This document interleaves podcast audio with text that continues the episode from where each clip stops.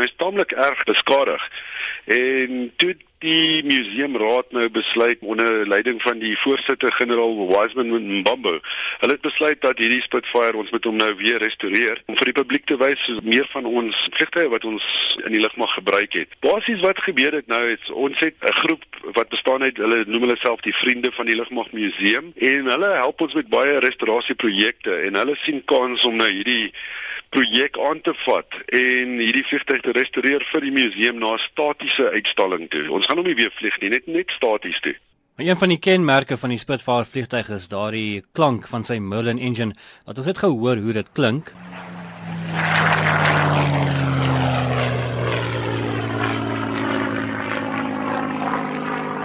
En met daardie klanke as agtergrond, kolonel, vertel ons waarom gaan hierdie vliegtuig nie weer vlieg nie? Een van die dinge is om hom terug te kry na vleiende toestand. Die enigste manier om dit te doen is om te stuur na die Verenigde Koninkryk toe. Die Isle of Wight is die plek. Hulle doen nog hierdie restaurasiewerk, maar dit is baie baie geld. Ek dink hulle praat iets van 40 miljoen rand om hom te restoreer na vleiende toestand toe. Ons het deur die museumraad besluit ons wil hom eerder aan die publiek kan wys en ons gaan hom heeltemal restoreer. Laat dit lyk asof dit 'n nuwe vliegtuig is, maar dit gaan tyd vat. Dit is nie 'n ding wat jy oor 'n maand of iets regkry nie. Dit gaan 'n paar jaar vat hierdie.